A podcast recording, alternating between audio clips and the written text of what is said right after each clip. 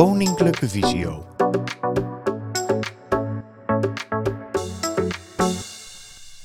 Deze beeldopname is grotendeels goed te volgen als je alleen luistert. Goedemiddag allemaal. Uh, welkom bij het webinar Wat is macula-degeneratie en hoe ga je ermee om? Uh, dit webinar is ontstaan naar aanleiding van de Maand van de Macula uh, door de Macula-vereniging om iedereen bekend, uh, bekend te maken met wat macula-degeneratie is. En Koninklijke Visio uh, is gevraagd om er een online bijeenkomst over te geven. We, maken, sommige mensen maken gebruik van een PowerPoint-presentatie. We proberen zoveel mogelijk de visuele beelden zo goed als mogelijk te verwoorden zodat uh, het webinar van vandaag ook zoveel mogelijk is te volgen als je alleen luistert. En dan ben ik nu uh, toegekomen aan het programma en uh, de bijeenkomst. Macula-degeneratie, wat is het en hoe ga je ermee om? En dan zie ik al gelijk een uh, spelfout, want ik ben het woordje je vergeten. Um, maar goed, dat daar gelaten.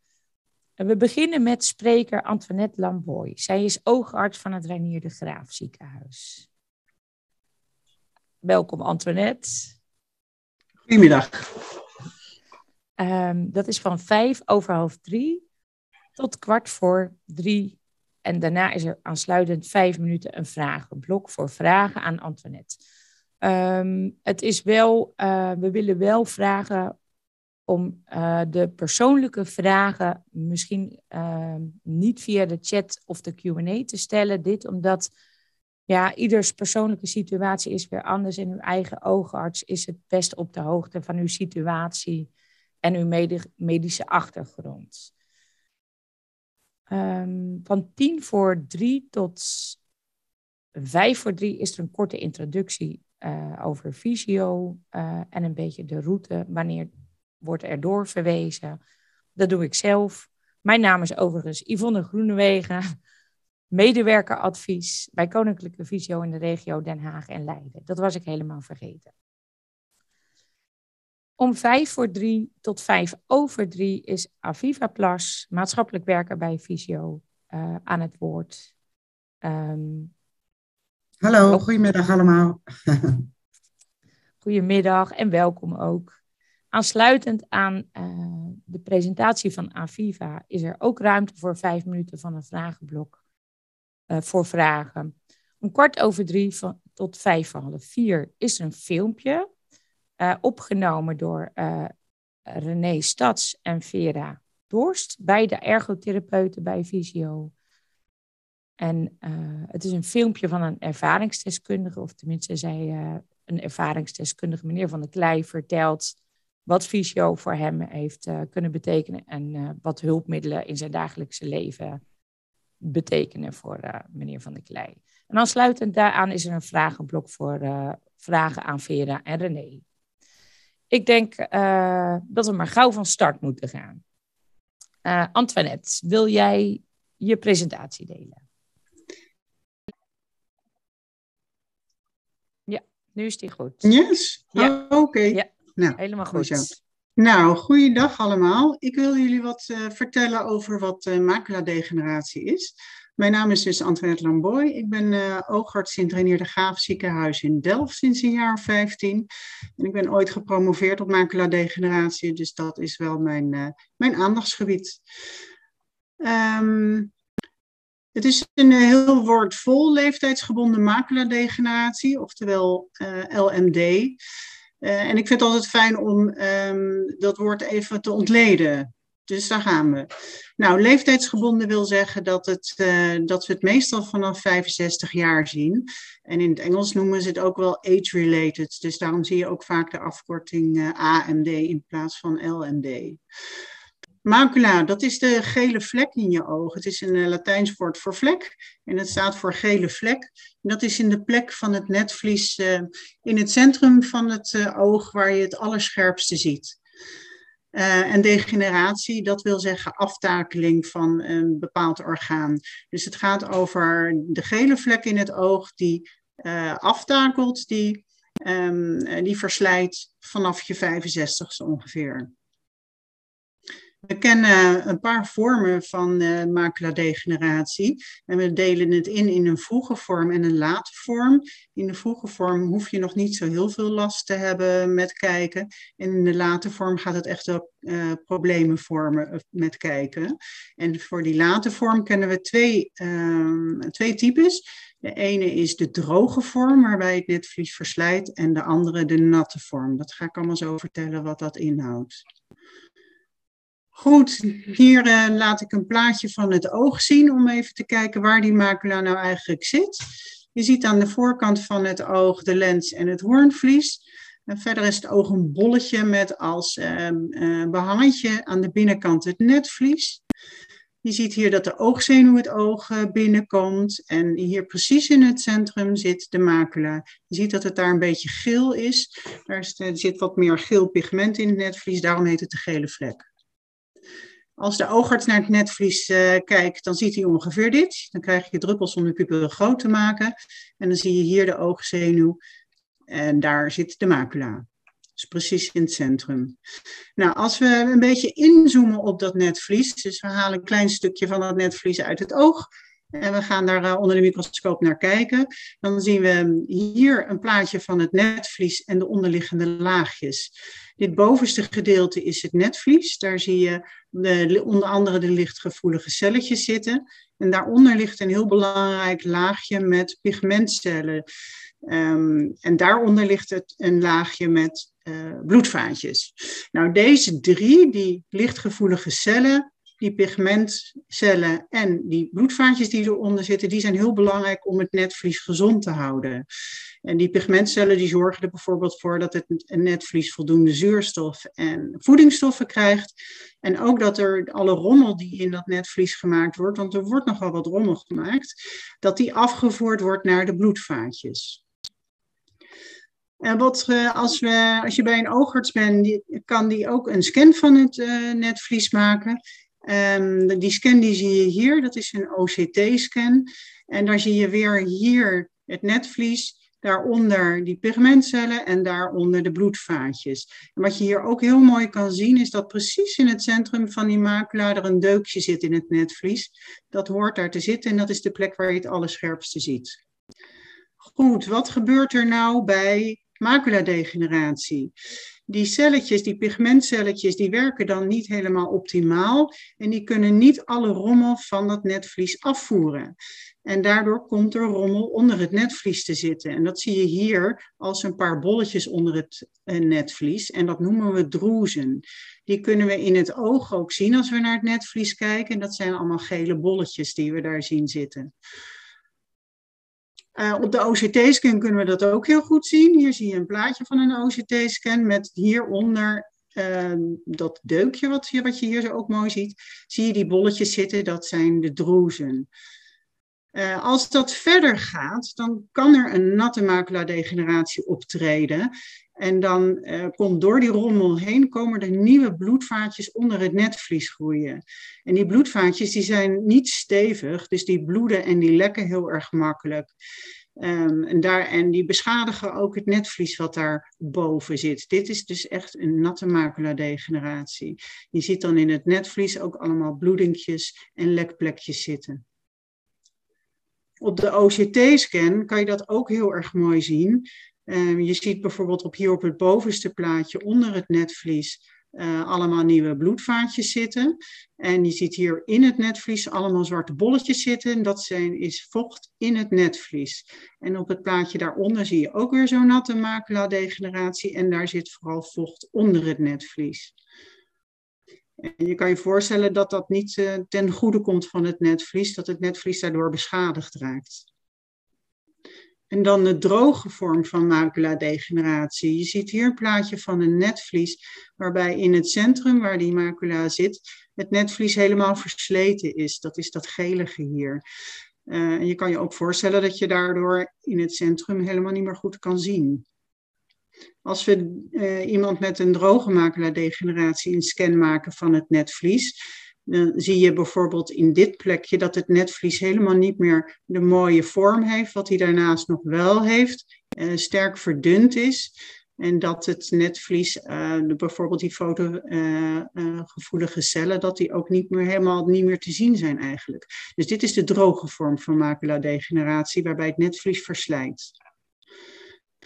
Nou, waarom krijg je nou eigenlijk uh, maculadegeneratie? Wat zijn de risicofactoren daarvoor?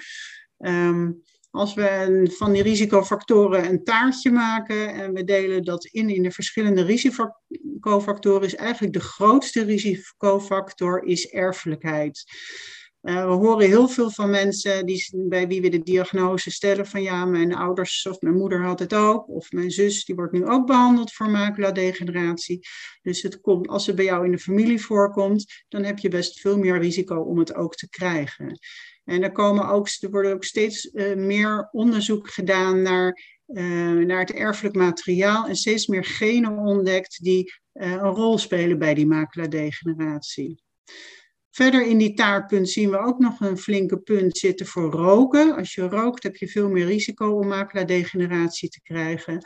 En ook hart-vaatziekte geeft een verhoogd risico. En er is ook nog een deel wat eigenlijk helemaal nog niet bekend is. Wat voor klachten krijg je nou als je maculadegeneratie hebt? Het zicht wordt slechter en dat vooral in het centrum, want daar zit die macula. Je krijgt uh, vaak meer moeite met lezen en ook met gezichten herkennen. Je hebt voor het lezen vaak meer licht nodig. En als, je, als het wat ernstiger wordt, bijvoorbeeld bij zo'n natte maculadegeneratie, krijg je ook dat het beeld gaat vervormen. Dat de lijnen die normaal recht lopen, zoals de tegeltjes in de badkamer, dat die niet meer recht lopen en vervormen. En als het nog ernstiger wordt, krijg je ook dat, een, dat je een deel van het beeld helemaal niet meer ziet. Dat er een vlek in beeld zit. Een heel late klacht, die we in een laat stadium uh, nogal eens horen van patiënten, dus mensen met ernstige maculadegeneratie, is dat zij visuele hallucinaties krijgen. En dan horen we vaak verhalen van uh, mensen die uh, af en toe bloemetjes zien, of kaboutertjes, of kindertjes, of kleurtjes. En dat noemen we het syndroom van Charles Bonnet. En dat betekent dat je hersenen een beetje gaan invullen wat ze zelf niet meer zien. En dat kan je vergelijken met de piep die mensen die slechthorend worden in hun oor krijgen. Dat komt niet uit je oor, maar dat komt uit je hersenen. Goed, mensen vragen aan mij, um, word ik uh, blind van maculadegeneratie? En dan vertel ik vraag van het, het zicht in het centrum kan veel slechter worden. En daar kan je wel heel veel problemen met kijken van krijgen. Maar de zijkanten van het beeld, die blijven goed. Dus um, uh, het zicht in het centrum wordt slecht, maar daaromheen blijf je alles zien. Alleen daar kan je niet scherp mee zien. Dus het licht gaat niet uit, maar je kan er wel veel problemen met kijken van krijgen. Nog even over die beeldvervorming als er onder het netvlies uh, uh, rommeltjes komen of een natte macula-degeneratie, dan ligt het netvlies niet meer helemaal mooi strak. En alles, als het netvlies niet meer mooi strak ziet, ligt, dan, uh, dan ga je de lijnen vervormd zien. En het plaatje hiernaast zie je bijvoorbeeld een jongetje waarbij je inderdaad het gezicht niet meer kan herkennen en de lijnen niet meer mooi recht lopen. Dat kan je zelf testen met het Amsler-kaartje. Dat is een kaartje wat eigenlijk niks anders is dan een ruitjeskaartje. Die hebben we in het zwart en in het wit. Dat maakt niet zoveel uit. En in het linkerkaartje zie je dat de lijntjes mooi recht lopen bij een, net, een heel mooi gezond netvlies. En in het rechterplaatje zie je uh, een bloedingen in het netvlies. Daar zit dus een natte macula-degeneratie. En daar zie je dat de lijntjes vervormd zijn en dat niet eens alle lijntjes meer goed zichtbaar zijn. Hebben we behandeling voor maculadegeneratie? Jazeker. De algehele, uh, uh, wat we aan iedereen vertellen bij mensen met maculadegeneratie, dat het heel belangrijk is om gezond te leven. En daar geldt vooral voor niet roken en gezonde voeding. En als je denkt van nou, ik red dat niet met de gezonde voeding, dan kan je eventueel eh, voedingssupplementen gaan gebruiken. En er zijn speciale voedingssupplementen waarvan we weten dat dit die macula-degeneratie wat uitstelt. En dat zijn de zogenaamde ARETS-vitamines. Nou, wat is verder gezonde voeding? Dat is veel groente en veel fruit, veel kleur op je bord. En nou ja, ik haal er ook altijd maar een beetje chocola bij, want er schijnen ook antioxidanten in te zitten. Maar ik weet niet helemaal zeker of die erbij hoort. Voor het algemeen geldt het mediterrane dieet lijkt een goed dieet te zijn voor uh, maculadegeneratie. Verder hebben we voor natte maculadegeneratie een behandeling om het niet om het te genezen, maar om het onder controle te houden.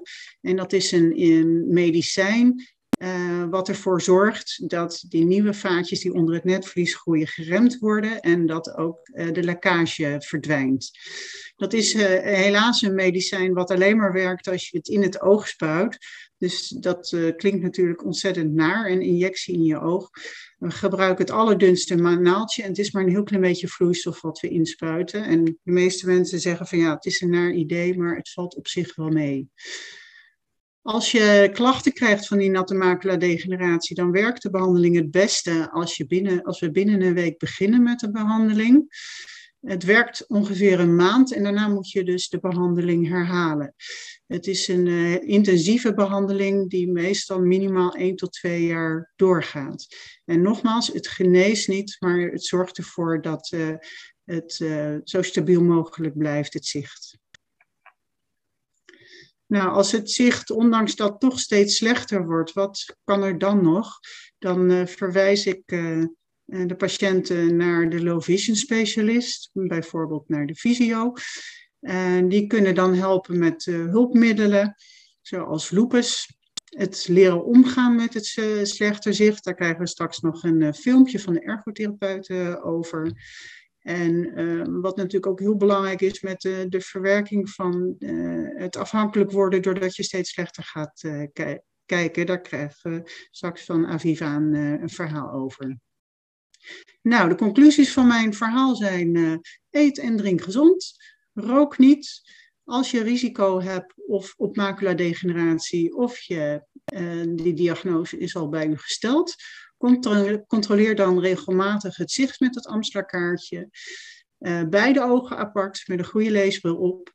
En als je denkt van het gaat niet goed, ik zie vervorming of het zicht gaat steeds slecht, uh, snel slechter, um, zorg dan via de dokter snel een verwijzing naar een oogarts. Dat was mijn verhaal. Ik ben benieuwd of er uh, vragen zijn. Ja, er zijn al wat vragen binnengekomen. Uh, Harry die vraagt, wat is de relatie tussen het gebruik van bloedverdunners en antistollingsmiddelen en de behandeling van de macula? Ja, uh, dat is een hele goede vraag, want heel veel mensen met maculadegeneratie gebruiken uh, bloedverdunners. Op zich is um, het gebruik van bloedverdunners geen reden om niet te behandelen. Uh, en heeft ook niet een invloed op de, de maculadegeneratie zelf. Behalve als je een bloeding uh, uit zo'n nieuw gevormd bloedvaatje krijgt, dan kan dat wel een veel grotere bloeding zijn dan wanneer je die bloedverdunners niet gebruikt. Maar je gebruikt die bloedverdunners niet voor niets. Dus uh, er is geen reden als je maculadegeneratie hebt om daar, daarvoor mee met, de, met deze medicijnen te stoppen. Okay. En Marianne vraagt, is er al een alternatief voor de prikken? er is op dit moment, uh, zoals ik net in, het, in het verhaal vertelde, nog geen, geen andere methode om die medicijnen toe te dienen dan een injectie in het oog. ik verwacht in de toekomst wel dat we behandelingen krijgen waarbij je veel minder vaak injecties in het oog hoeft te krijgen. Maar vooralsnog werkt het medicijn eigenlijk alleen maar als je in het, in het oog spuit. En dat gaat dan over de natte macula-degeneratie. Ja. En Ada vraagt, zijn maculagaten altijd het gevolg van de bloedvaten die doorgroeien? Ja, een maculagat is weer een heel andere ziekte. Dat heeft eigenlijk niet met maculadegeneratie te maken. Dus dat is niet een, een, een ziekte die eigenlijk hierbij past. En dan hebben we Harry die vraagt, hoe komt het dat er na de injectie bolletjes zichtbaar zijn en bloeding in het oog? Ja, die uh, injecties, die, uh, uh, daar kan wel eens een, een klein belletje vocht in de vloeistof zitten. En als dat ook mee in het oog gaat, kan dat gelukkig helemaal geen kwaad. Maar dan kan het zijn dat je wat um, wat zwarte belletjes, wat zwarte rondjes onderin uh, in beeld ziet heen en weer rollen. En dat is vaak binnen één of twee dagen weer weg. Dat is niet altijd te voorkomen bij het inspuiten. En omdat we door, um, ook door het slijmvlies uh, die injectienaald in het oog brengen, kan het ook wel zijn dat er een bloed, klein bloedvaatje van dat slijmvlies geraakt wordt. En dan krijg je een bloedingje uh, ja, in het slijmvlies van het oog. En dat ziet altijd heel dramatisch uit, want dan heb je zo'n heel rood oog. Maar dat kan ook gelukkig helemaal geen kwaad. En is meestal binnen één of twee weken weg. Oké. Ja, en Ada die vroeg een keer, die had het net over het macula-gat. Maar dat is echt iets anders, hè? want zij geeft aan dat na de maculadegeneratie er een macula-gat is ontstaan. Maar dat is dan toeval. Ja, ja of het, het is misschien een, um, een heel laat gevolg van langdurige behandeling, maar het is niet een, een, gebruikelijke combinatie maculagat met, bij maculadegeneratie. En iemand vraagt nog, uh, wanneer is het verstandig om over te schakelen naar een ander middel, bijvoorbeeld Avastin naar Elea? Nou, we hebben daar best wel strakke schema's voor. We beginnen altijd met Avastin, elke vier weken een injectie. En dan gaan we weer met zo'n scan controleren of het goed gaat. En als we zien dat, het, uh, uh, dat er meer vocht is of het is helemaal niet afgenomen, dan kunnen we gaan kijken of er een ander medicijn is, zoals Eulea of Lucentis, waar die, uh, die patiënt beter op reageert. Dus we controleren elke keer met zo'n OCT-scan of het goed gaat. En als het niet goed gaat, dan valt het te overwegen om een ander medicijn te gebruiken. En iemand vraagt ook nog, um, ik was 47 toen ik de diagnose kreeg. Klopt dat dan wel dat het ouderdomsmaculadegeneratie is? Dat is inderdaad heel erg jong, want we zien wel mensen van 55 zo'n beetje ook al met deze diagnose. En dan zit het vaak wel heel uh, zwaar in de familie, deze diagnose. Maar als je het op zo'n vroege leeftijd krijgt, dan moeten we altijd wel drie keer achter ons oor krabben van is het niet een andere vorm van maculadegeneratie? Want er zijn er heel veel. Um, en leeftijdsgebonden is, nou, zoals het woord al zegt, echt iets wat je eigenlijk pas op latere leeftijd verwacht. Dus dan kan het, het kan natuurlijk wel, maar je moet wel even goed verder kijken of er niet iets anders aan de hand is. Oké, okay, dat waren de vragen. Ik heb Dank nog, jullie wel. Ik heb nog één uh, vraag, Antoinette, of eigenlijk twee. Um, er waren vooraf, hadden mensen ook al een aantal vragen uh, gesteld via, uh, bij het aanmelden. En een daarvan was uh, of een operatie aan staar mogelijk is als je uh, ja, last hebt van natte maculadegeneratie. Ja, dat was, vroeger heerste de mening dat als je natte maculadegeneratie had, dat dat veel erger werd door een staaroperatie. Maar dat was nog een beetje in de tijd van voordat we deze behandelingen hadden. En we weten tegenwoordig dat als je een natte macula-degeneratie hebt en het is goed onder controle met de behandeling met die injecties, uh, dat je prima en op een veilige manier een staaroperatie kan doen als er inderdaad storend staar zit. Um, de ene heeft er dan uh, wel plezier van, maar de ander, als er te veel schade aan netvlies is, uh, uh, kan daar misschien toch minder plezier van hebben van de, uh, van de staaroperatie. Maar het is absoluut mogelijk om een staaroperatie te doen als je maculadegeneratie hebt. Om te weten, dankjewel. En nog een allerlaatste uh, vraag. Van, ze zeggen altijd dat het beter is om droge maculadegeneratie te hebben. Misschien heb je dat al wel verteld. In plaats van natte. Ja. Klopt dat ook? Ja, dat, dat, dat, het is allebei heel vervelend, want je gaat op een gegeven moment toch met allebei um, uh, behoorlijk. Je kan je behoorlijk slecht gaan zien. En met die droge gaat het vaak wat langzamer dan met de natte vorm. Uh, maar het levert op een gegeven moment toch allebei flinke schade aan het netvlies op, waardoor je uh, op het eindpunt toch met allebei slecht kan gaan zien. En die, die natte vorm, die kunnen we natuurlijk nog enigszins onder controle houden met, die, uh, met uh, de behandeling. Uh, en er, er, zijn ook zeker mensen met maculadegeneratie die uh, langdurig er echt wel goed mee blijven zien. Um, en die droge vorm hebben we natuurlijk nog geen behandeling voor. Dus ik, ik, ik zou liever niet kiezen tussen die twee. Het is allebei vervelend. Dank je wel. Uh, sowieso heel fijn dat je vandaag wilde uh, komen vertellen. Bedankt. Um, dan ga ik nu nog even een ehm, klein, kleine introductie geven over ehm, ja, over Koninklijke Visio. Want ik weet eigenlijk niet of de mensen die zich van, vandaag hebben aangemeld, of men. Um, even wachten hoor, ik moet even doorschakelen. Ik weet eigenlijk niet of mensen die zich aan hebben gemeld al bekend zijn bij Koninklijke Visio. Um, dus ik denk, ik doe toch maar even, dat was ook een beetje op aanraden, uh, even een korte introductie. Koninklijke Visio. Wie zijn we? Wat doen we? We zijn een expertisecentrum voor slechtziende en blinde mensen. En wij ondersteunen mensen met een visuele beperking die hulpvragen hebben rondom leven, leren, wonen en werken in de breedste zin. We zijn een landelijke organisatie. Uh, we ondersteunen mensen in de leeftijd van 0 tot 100 of als mensen ouder worden boven de 100 jaar hebben we ook uh, cliënten. We hebben een brede dienstverlening.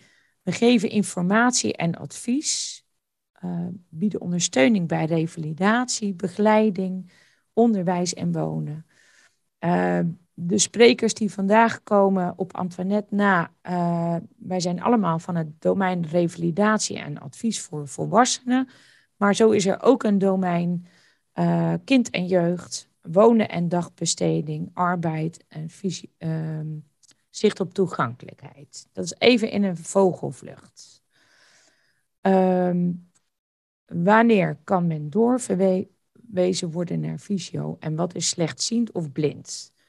Uh, wat ik nu ga vertellen, dat zijn uh, de normen die opgesteld zijn door het NOG, het Nederlands Oogheelkundig Gezelschap. Uh, men noemt slechtziend, iemand slechtziend bij een gezichtsscherpte van minder dan 0,3, 30 procent of, of minder, of een gezichtsveld van minder dan 30 graden. Men spreekt van uh, dat iemand maatschappelijk blind is bij een gezichtsscherpte van minder dan 0,05 en een gezichtsveld van minder dan 10 graden. Uh, het kan dus zo zijn dat iemand wel uh, licht ziet, of het is niet altijd even donker. En deze getallen gelden uh, zonder leeshulpmiddel. Want als ik mijn bril afzet, dan kan ik ook niet zo goed zien.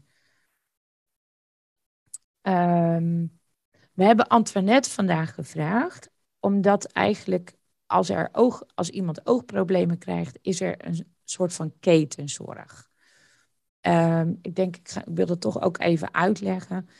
Um, heeft iemand oogproblemen? Je gaat in eerste instantie misschien naar de huisarts of naar de opticien. Die constateert van, goh, ik kan u niet meer helpen met een bril. Het is misschien raadzaam om naar de oogarts te gaan.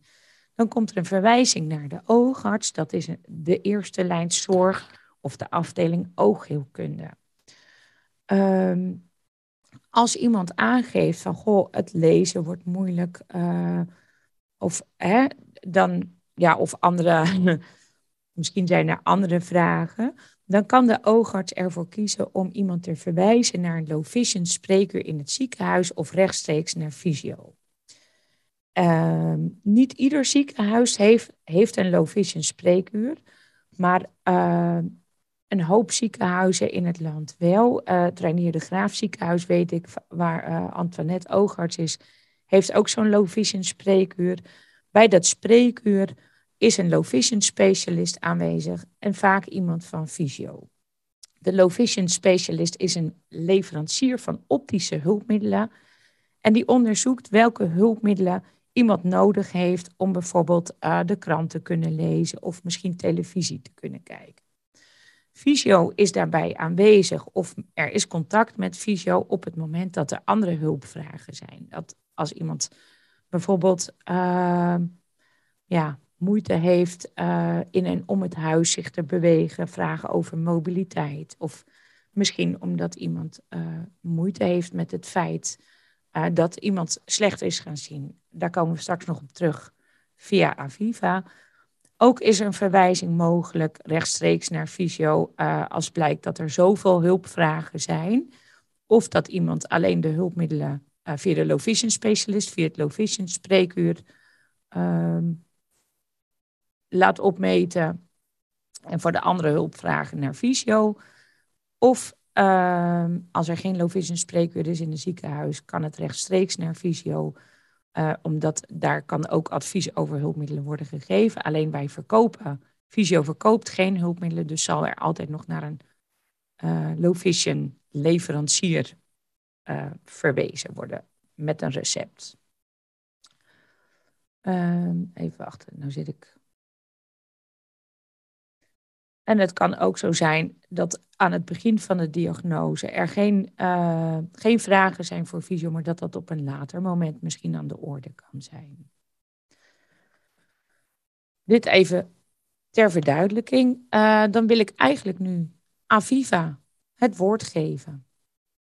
En vragen of Aviva de PowerPoint wil delen. Is die zo goed te zien? Ja. Hartstikke mooi. Uh, welkom, mijn naam is dus Aviva Plas. Ik ben een van de maatschappelijk werkers bij Koninklijke Visio in Den Haag. En de komende tien minuten ga ik iets vertellen over de impact van slechtziendheid op het mentale welzijn. Um, ja, de diagnose maculadegeneratie kan leiden tot wegvallen van bepaalde zekerheden, bepaalde toekomstperspectieven, soms onbegrip vanuit de omgeving, als bijvoorbeeld uh, uh, gezichten niet herkend worden, wegvallen van vrije tijdsbesteding zoals u die kende, bijvoorbeeld lezen, fietsen of creatieve vaardigheden, maar ook een verlies van zelfstandigheid, autorijden, koken, boodschappen. Het wordt steeds moeilijker op de manier waarop u gewend was. Er kan ook sprake zijn van veranderende rolpatronen, bepaalde taakverdeling in het huishouden. En vaak gaat dit gepaard met een enorme vermoeidheid, want al het zien kost extra energie. En sommige mensen kunnen er ook eenzaam van worden.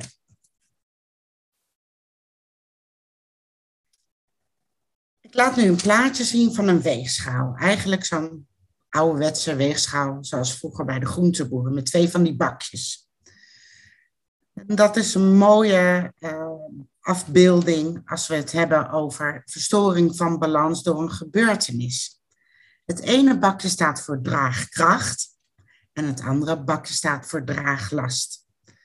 En als iemand uh, nou, heeft, dan worden de lasten eigenlijk zwaarder ten opzichte van de krachten die we hebben. En moeten we op zoek gaan naar een nieuwe balans. En dit alles moet ook verwerkt worden. Nou, wat is nu verwerken? Wat is accepteren? Het zijn lastige woorden. Ik zeg wel eens, uh, uh, alleen afval kan verwerkt worden. Dat is er dan niet meer. En deze problemen blijven terugkomen. Maar om enigszins uh, nou, kort inzicht te geven, heb ik hier een plaatje van de zogenaamde verwerkingsboog. Waarbij eigenlijk allerlei emoties aan de orde kunnen komen. Allereerst de schok. Gewoon de mededeling van de oogarts. Makelaardegeneratie.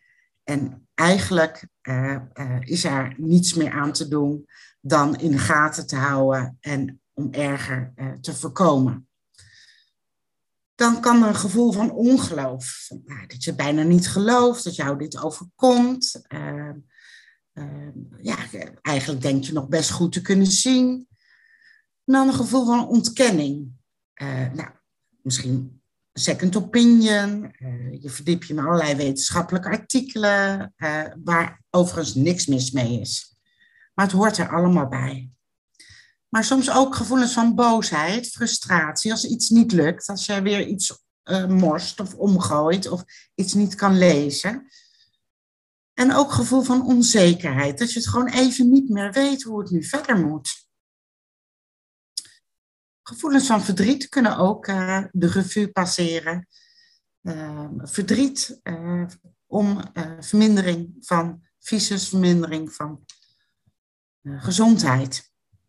En dan mogelijk een somberheid. Ja, dat je het gewoon echt even niet meer weet. Ook, niet meer wil weten. Nou, we hopen dat inmiddels dan iemand is doorverwezen uh, naar onder andere Visio of uh, collega-instellingen. En uh, bij Visio willen we gaan experimenteren. Nou, wat bedoel ik daarmee? Experimenteren ehm, is eigenlijk op zoek naar andere mogelijkheden. De dingen is proberen op een andere manier. nou, vaak komt dat er bij Visio op neer. Gaan we het vergroten? Gaan we het hoorbaar maken? Gaan we het voelbaar maken? Gebruik van andere zintuigen of een combinatie daarvan. En uh, pas als je alles hebt geprobeerd, dan kan je eigenlijk pas een besluit nemen. Nou, ik, ik, ik ga eens proberen te lezen via mijn oren, via gesproken boeken. Of, uh, oké, die stok is me laten zien, maar ik ben er nog niet aan toe. Dat is ook een besluit. En pas moment dat je uh, ja, alles hebt geprobeerd en daar een, een, soort tijdelijk besluit over hebt gemaakt, kan je spreken van een bepaalde manier van aanvaarding. Uh, nou, dat wil natuurlijk niet zeggen dat het moment dat je het gevoel hebt in bepaalde aanvaarding te zitten, dat je nooit meer boos, onzeker of verdrietig kan zijn. Want er zijn triggers in het leven, uh, waardoor je toch weer even terug kunt vallen in die emotie. Bijvoorbeeld bij een bushalte. Uh, je loopt tegen iemand aan en iemand zegt, kijk uit je doppen. Ja, dan, ja, dan kan je even boos worden of verdrietig. Maar dan heb je eigenlijk al, uh, uh, al eerder ja, het proces doorlopen. En dan zult u zien dat u dus eigenlijk weer sneller weer terugkomt bij die aanvaarding. Omdat dan het brein gelijk denkt van, oh ja, ik was niet herkenbaar. Of, oh ja, die persoon is onwetend. Dit dus even over, heel kort door de bocht over verwerken. Normaal gaan hier natuurlijk heel veel gesprekken over. Wat we dan willen doen, en dat geldt eigenlijk voor, ook natuurlijk voor mijn collega's, eigenlijk helemaal de revalidatie van fysio, is we willen de draagkracht vergroten en de draaglast verminderen. Weer denkend aan die twee bakjes van de weegschaal. En bij het maatschappelijk werken willen we eigenlijk voorkomen dat er sprake is van overbelasting. Proberen we dus inzicht te geven in de energieverdeling. Hoeveel energie heb je eigenlijk als je macula-degeneratie hebt? En hoe plan ik mijn activiteiten in? En hoe plan ik mijn rust in? En welke activiteiten wissel ik met elkaar af? Maar ook het vergroten van het sociale netwerk, wat echt bewezen heel belangrijk is. Um, daar bieden we ondersteuning in. We kunnen ook een ervaringsdeskundige inzetten. Nou, ervaringsdeskundigen van Fysio zijn eigenlijk uh, ja, cliënten van Fysio die uitgerevalideerd zijn.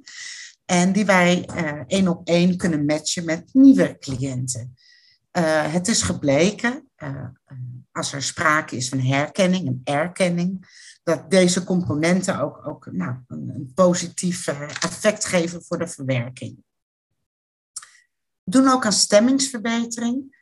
Uh, dus inzicht geven van hoe werkt zo'n werk, uh, verwerkingsproces, zoals ik daar uh, net naar aanleiding van die boog heb verteld. maar we willen daar natuurlijk ook de omgeving, de naaste, kinderen, partner, werkgevers daarbij betrekken.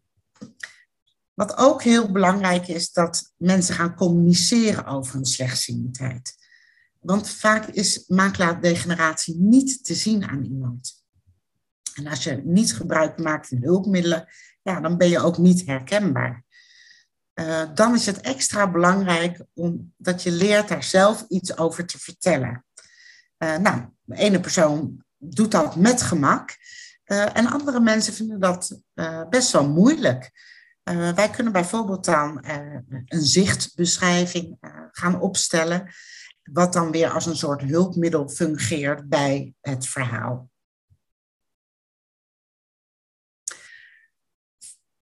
Het andere bakje, vermindering van draaglast. Nou, uh, dat is eigenlijk tweeledig. Uh, de materiële hulpverlening, bijvoorbeeld de huishoudelijke hulp aanvragen als iemand daarvoor in aanmerking komt. Taxivoorzieningen uh, voor in de regio, buiten de regio. begeleiderskaart voor het openbaar vervoer. We kunnen een beroep doen op een speciaal fonds.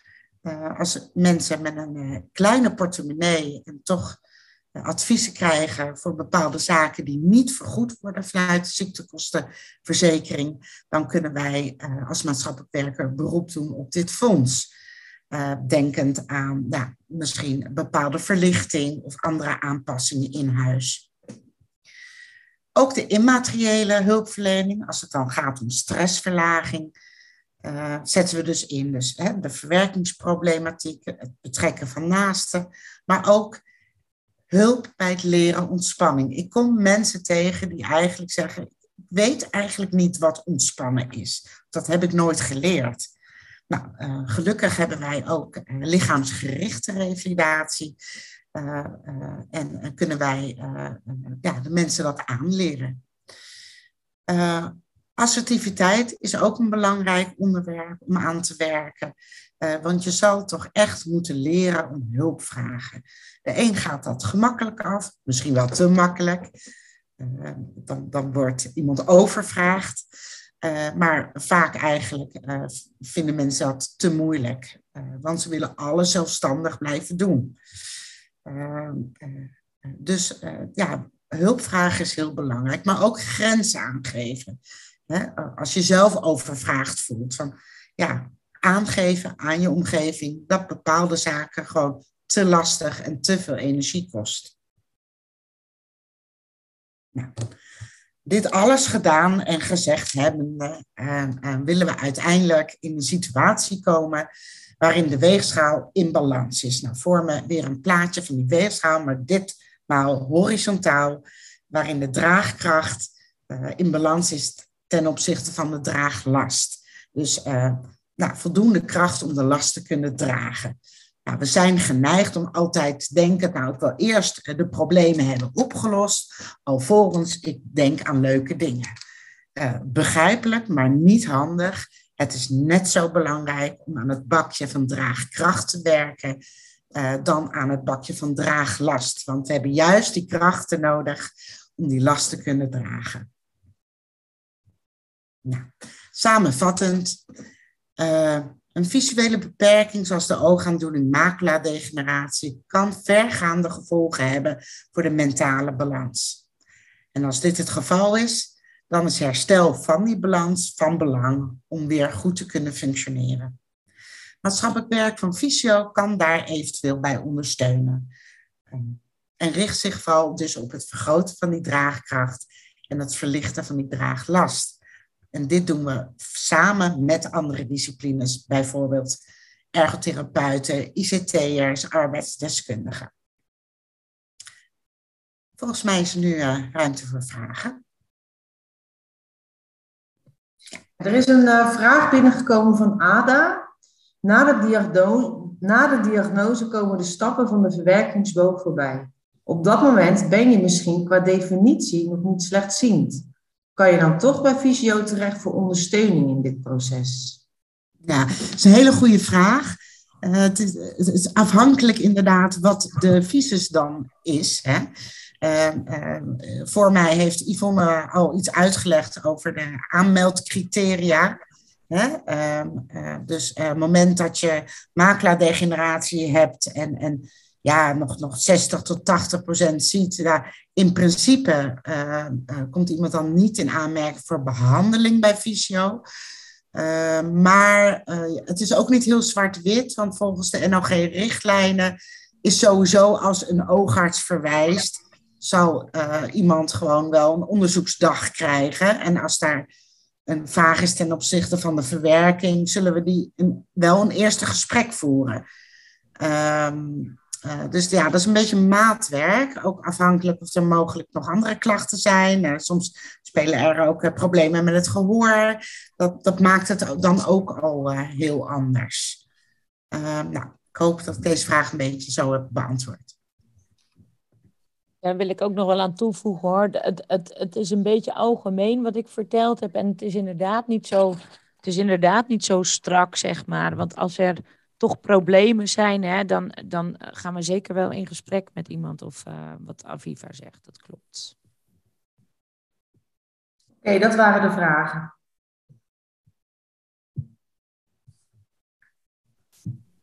Dankjewel, Aviva, ook voor jouw uh, verhaal. Um, Vera, wil ik even, Vera en René, uh, misschien even, even het woord geven, even een korte introductie van jullie uh, verhaal. Ja, gaan we doen. Uh, naast mij zit mijn collega René Stads en ik Hallo. ben Vera Dorst. Wij zijn beide ergotherapeuten bij de revalidatie in Den Haag. Um, vandaag wilden wij ook wat gaan vertellen over wat ergotherapie kan doen.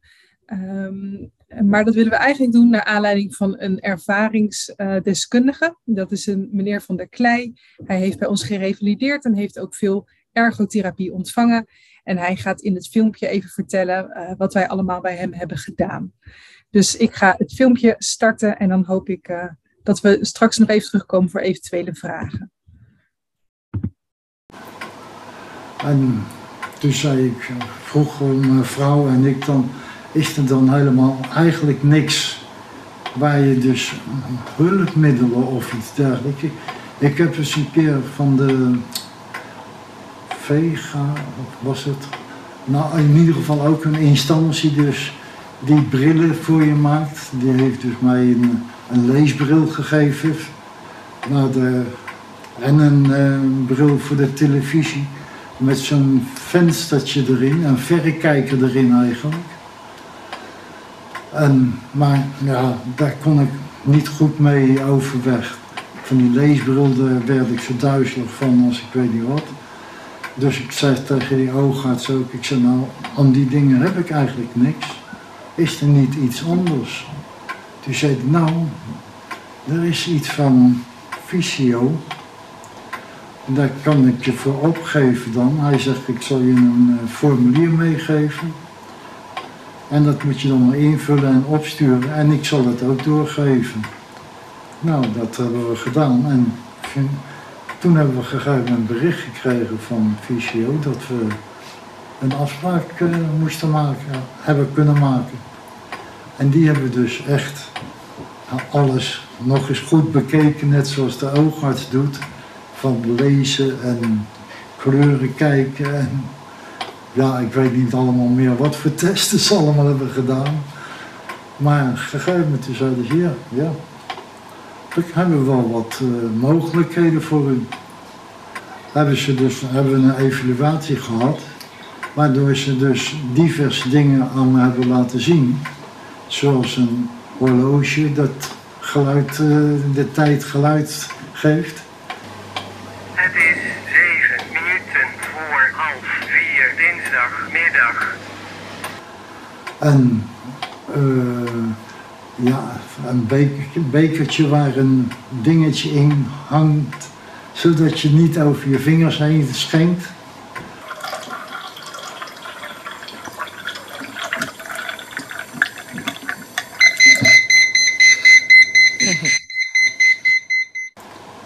En nou, toen heb ik gegeven moment uh, bericht gekregen dat er uh, een ergotherapeut zou komen die mij dus wegwijs zou maken op de leesloop.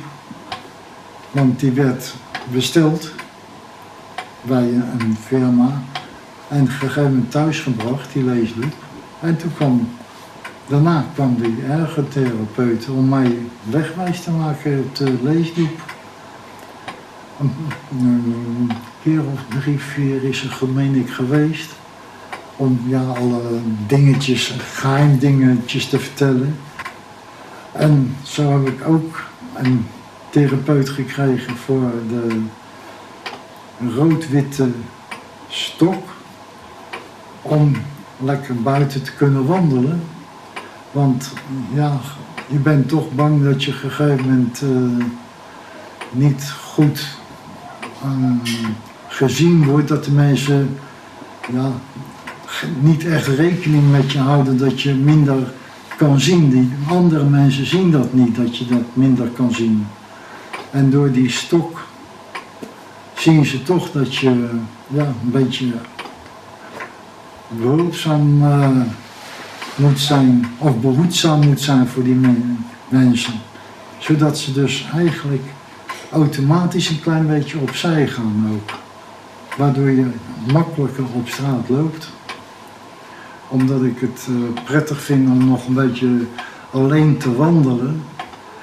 En nou ja, dat is een hele mooie, uh, een, hoe noem je zoiets, een hulpmiddel die geboden wordt.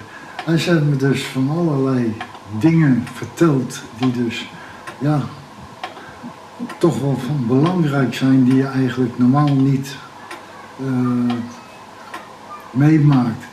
Onder andere dat je dus, ja, de tegels die van het trottoir, die liggen niet allemaal even gelijk. Dus met die passtokten kan je dan eroverheen rollen en dan voel je gewoon dat de ene tegel iets hoger ligt dan de andere.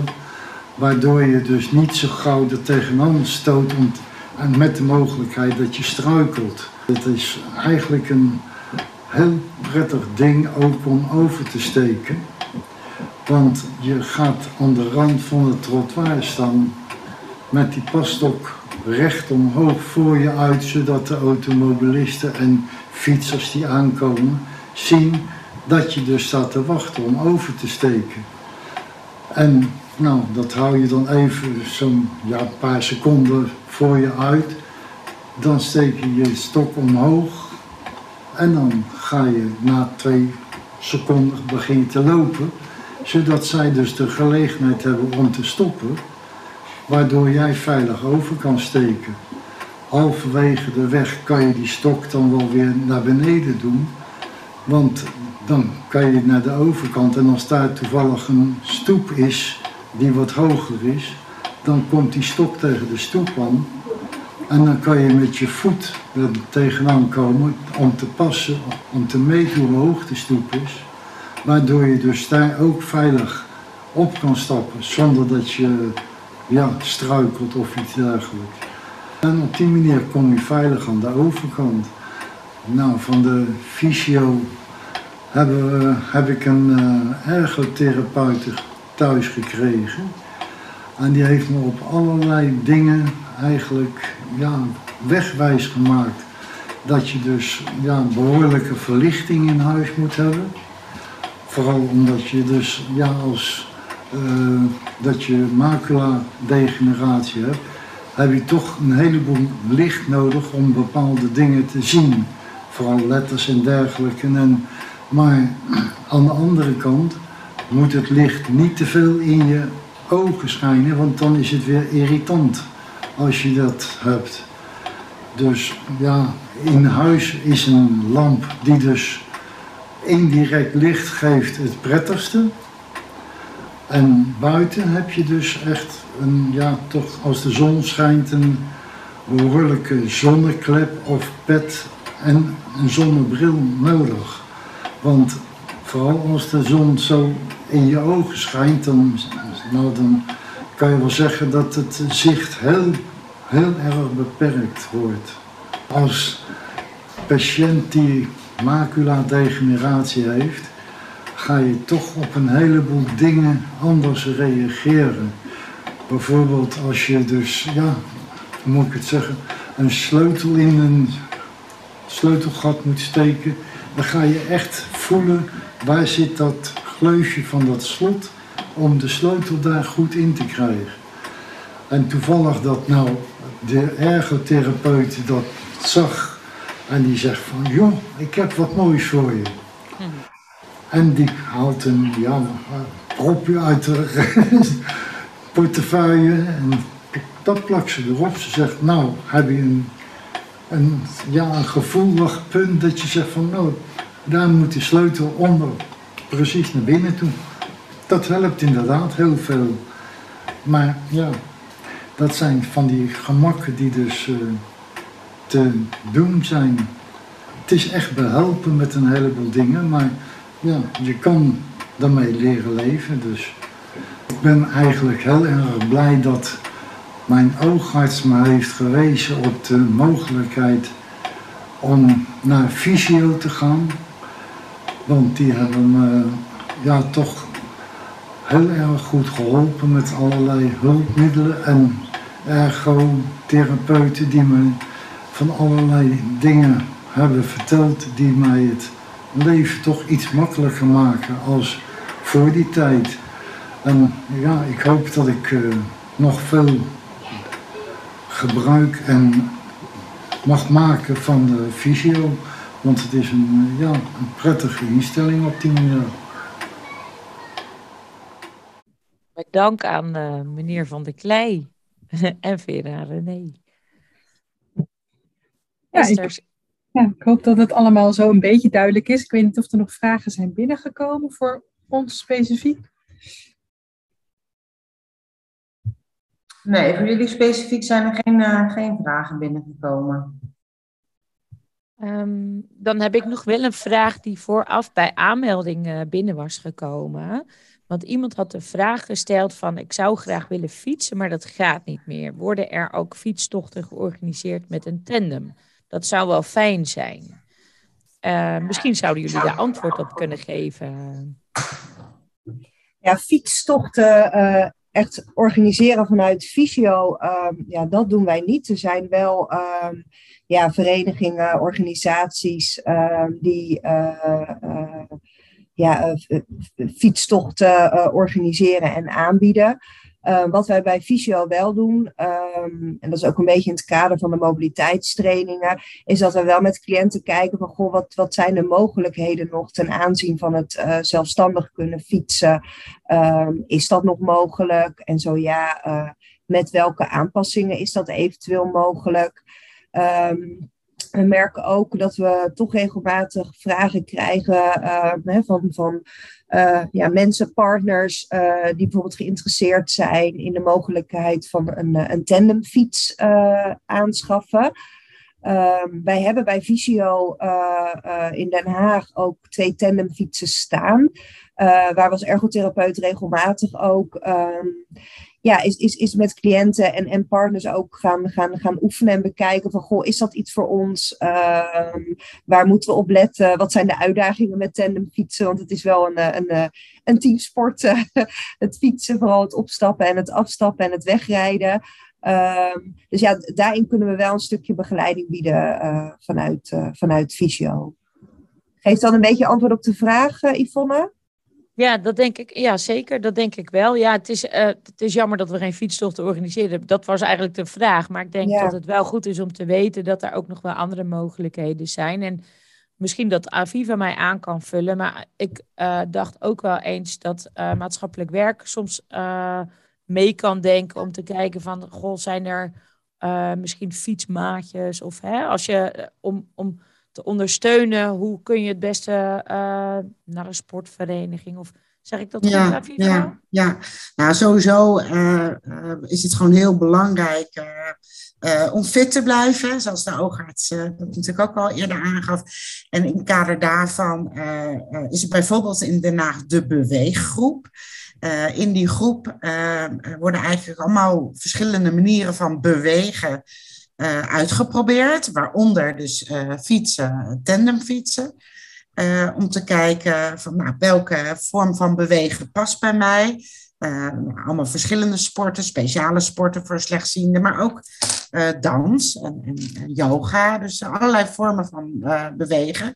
Nou, en daarna kan gekeken worden van nou, welke vorm past bij me. En dan zal de maatschappelijk werker kijken van nou, uh, wat, wat is er in de buurt van de cliënt, wat het meest passend is. En soms ook met een warme overdracht, dat een ergotherapeut meegaat naar een sportschool. soms adviseren we ook wel eens de, de, de home trainer thuis. en dan kan je natuurlijk, die kan je ook in de tuin zetten of op het balkon. Dat je een beetje wind door je haren krijgt en, en kan fietsen. Dus ja, weer ja, wel fietsen, maar op een andere manier. Dankjewel. En uh, misschien ook wel goed om te weten. Komen. Oh, ik zie dat jullie die al in de chat hebben beantwoord. Ja, waar, waar die plakbare en die voelbare bobbels ja, te koop zijn. Vraag, ja, vraag van ja. inderdaad de bumpons, hè, zo noemen we die. Waar die te koop zijn. En uh, de meeste dingetjes zijn te koop inderdaad bij Worldwide Vision. Of ja. slechtziend.nl. En de plakbare bobbels, uh, ja, dat zijn echt stickers. Dus die, die ja, de, op, een, op een droge plek zullen die blijven zitten. Als ze echt vaste markering gewenst is, ze verkopen ook merkpasta. Dat is een pasta die je aan kan brengen en dat, dat hard uit. Uh, na 24 uur en dan, dan blijft het langer zitten. Dus zeker plekken die, uh, die vochtig worden of die regelmatig schoongemaakt moeten worden, uh, dan is dat gewoon een, een iets permanentere oplossing om te gebruiken. En die, dat is ook te koop bij Worldwide Vision. Okay. Ik zal in de mail. Oh, even wachten, uh, Esther. Ik zal in de mail uh, even daar de adressen sturen. Iedereen die uh, zich aangemeld heeft, krijgt een mail met daarin een link. Naar, om eventueel terug te kunnen kijken. Maar ik zal de adres in de mail erbij ver, vermelden. En misschien nog een goede aanvulling daarop. Hè? Op het moment dat, dat iemand natuurlijk bij ons bij Visio komt, kijken wij heel erg naar welke hulpmiddelen zijn echt passend bij die persoon.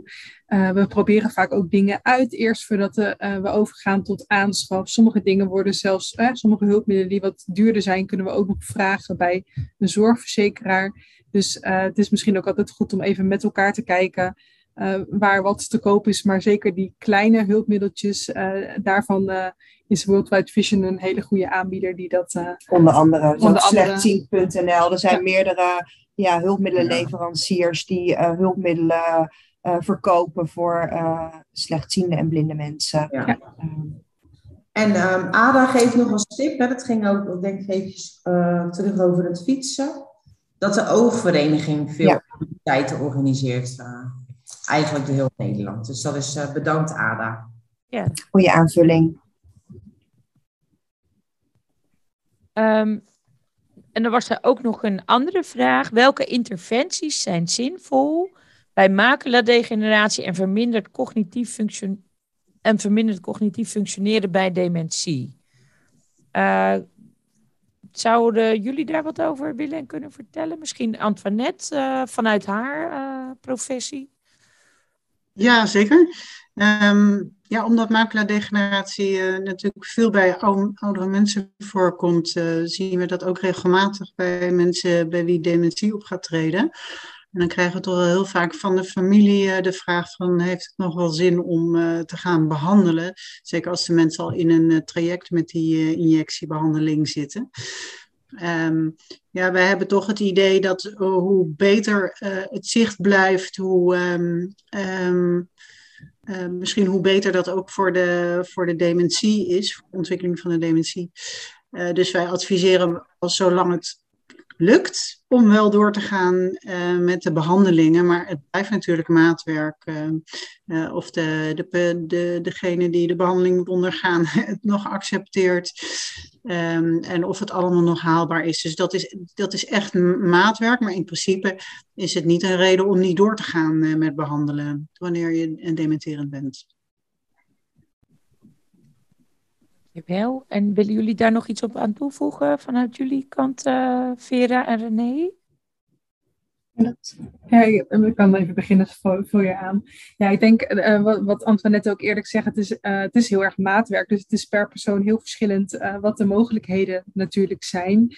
Um, ik denk dat we vooral goed kijken in de thuissituatie. hoe kunnen we ervoor zorgen dat alles zo veilig mogelijk blijft gaan. Um, niet te veel veranderen, want het is al, eh, je wil graag blijven hangen in hetgene wat, uh, wat bekend is, uh, maar wel eventueel aanpassen waarin winst te behalen valt, zoals bijvoorbeeld de verlichting of overige zaken. maar het is inderdaad iets waarin ehm, zeker een hoop mogelijk is, maar dat dat echt thuis bekeken moet worden en individueel, ja, dat staat gewoon vooral voorop.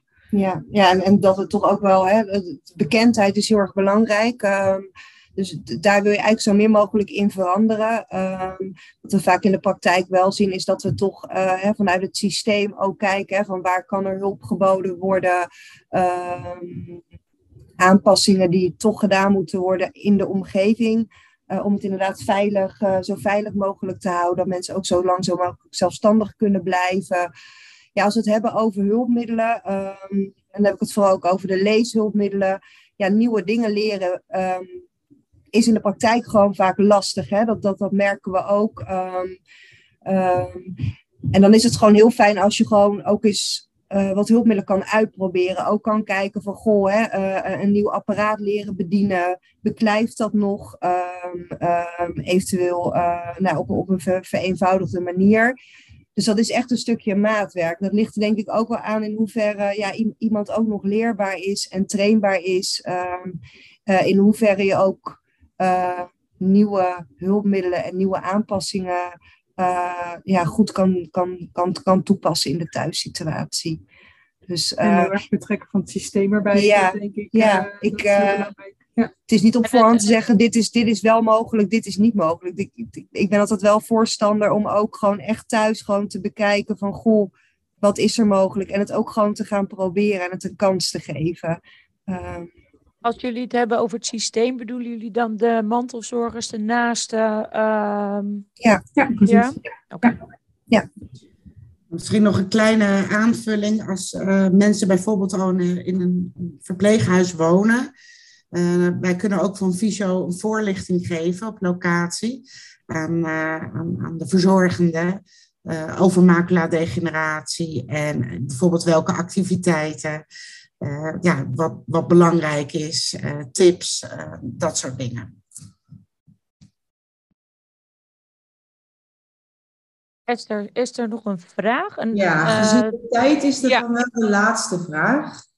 Dat is een vraag die eerder is gesteld, maar nu is er ook iemand anders die stelt dezelfde vraag. En dat is, is er een netvliestransplantatie mogelijk bij MD? Ja, dat is er eentje voor mij, denk ik, dan die vraag. Ja. Um, nee, dat is niet mogelijk. Um, netvlies is uh, zenuwweefsel. En uh, wat kapot is, is, uh, is kapot in het netvlies. Dus dat kunnen, een transplantatie is daar helaas nog niet voor mogelijk. Maar je weet nooit wat er in de toekomst allemaal voor ontwikkelingen daarover zijn.